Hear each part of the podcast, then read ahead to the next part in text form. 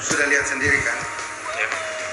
mana terus tentunya kamu harus selalu mencatat Dia rapi banget sih. Eh, Mbak, bentar. Pengen nanya, si cowok itu kerja di sini ya? Iya, dia kan yang punya perusahaan ini. Masa kamu nggak tahu sih? Hah? Maksudnya apa nih? Iya, dia itu namanya Pak Rangga. Dia itu anak yang punya perusahaan ini ganteng kan? Dia juga lagi belajar ngurus perusahaan sih. Kenapa? Hmm? kamu naksir ya? Enggak. Baik mimpi tuh jangan keterian jatuhnya pas sakit.